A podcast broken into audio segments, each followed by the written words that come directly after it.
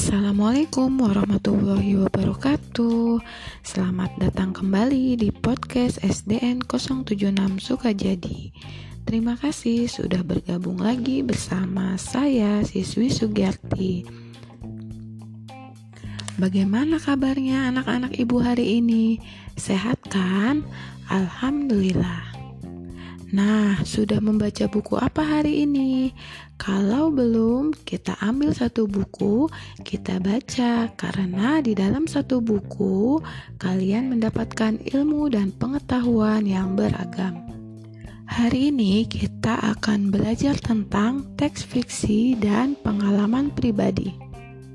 Teks fiksi adalah teks yang berisi tentang rekaan atau hayalan yang tidak benar-benar terjadi.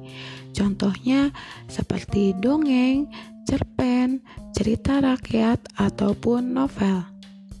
Dalam sebuah teks fiksi, kalian akan menemukan tokoh cerita.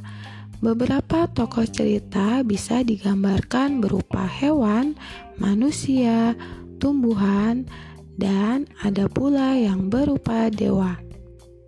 Tokoh-tokoh tersebut akan saling bekerja sama sehingga akan membangun sebuah alur atau jalan cerita yang bisa kalian nikmati bersama-sama. Di dalam cerita fiksi, kalian akan menemukan tokoh yang menjalankan alur cerita.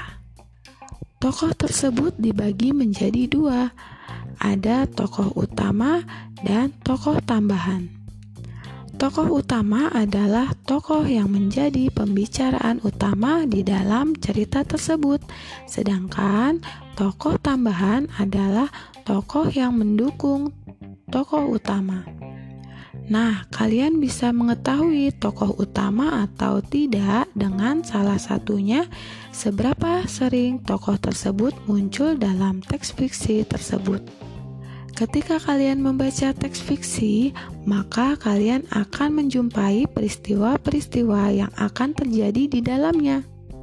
Nah, pernahkah kalian merasakan peristiwa yang kalian baca seperti peristiwa pengalaman kalian?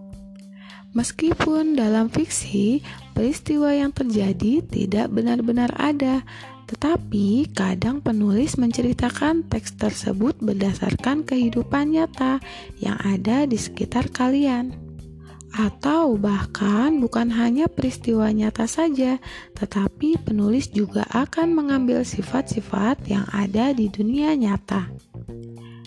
Jadi, tidak heran jika dalam membaca teks fiksi, kamu akan menemukan beberapa peristiwa yang sangat dekat terjadi di sekelilingmu. Teks-teks yang telah kamu baca, kamu bisa membuat bagian-bagian penting dari teks tersebut supaya menjadi sebuah peta pikiran.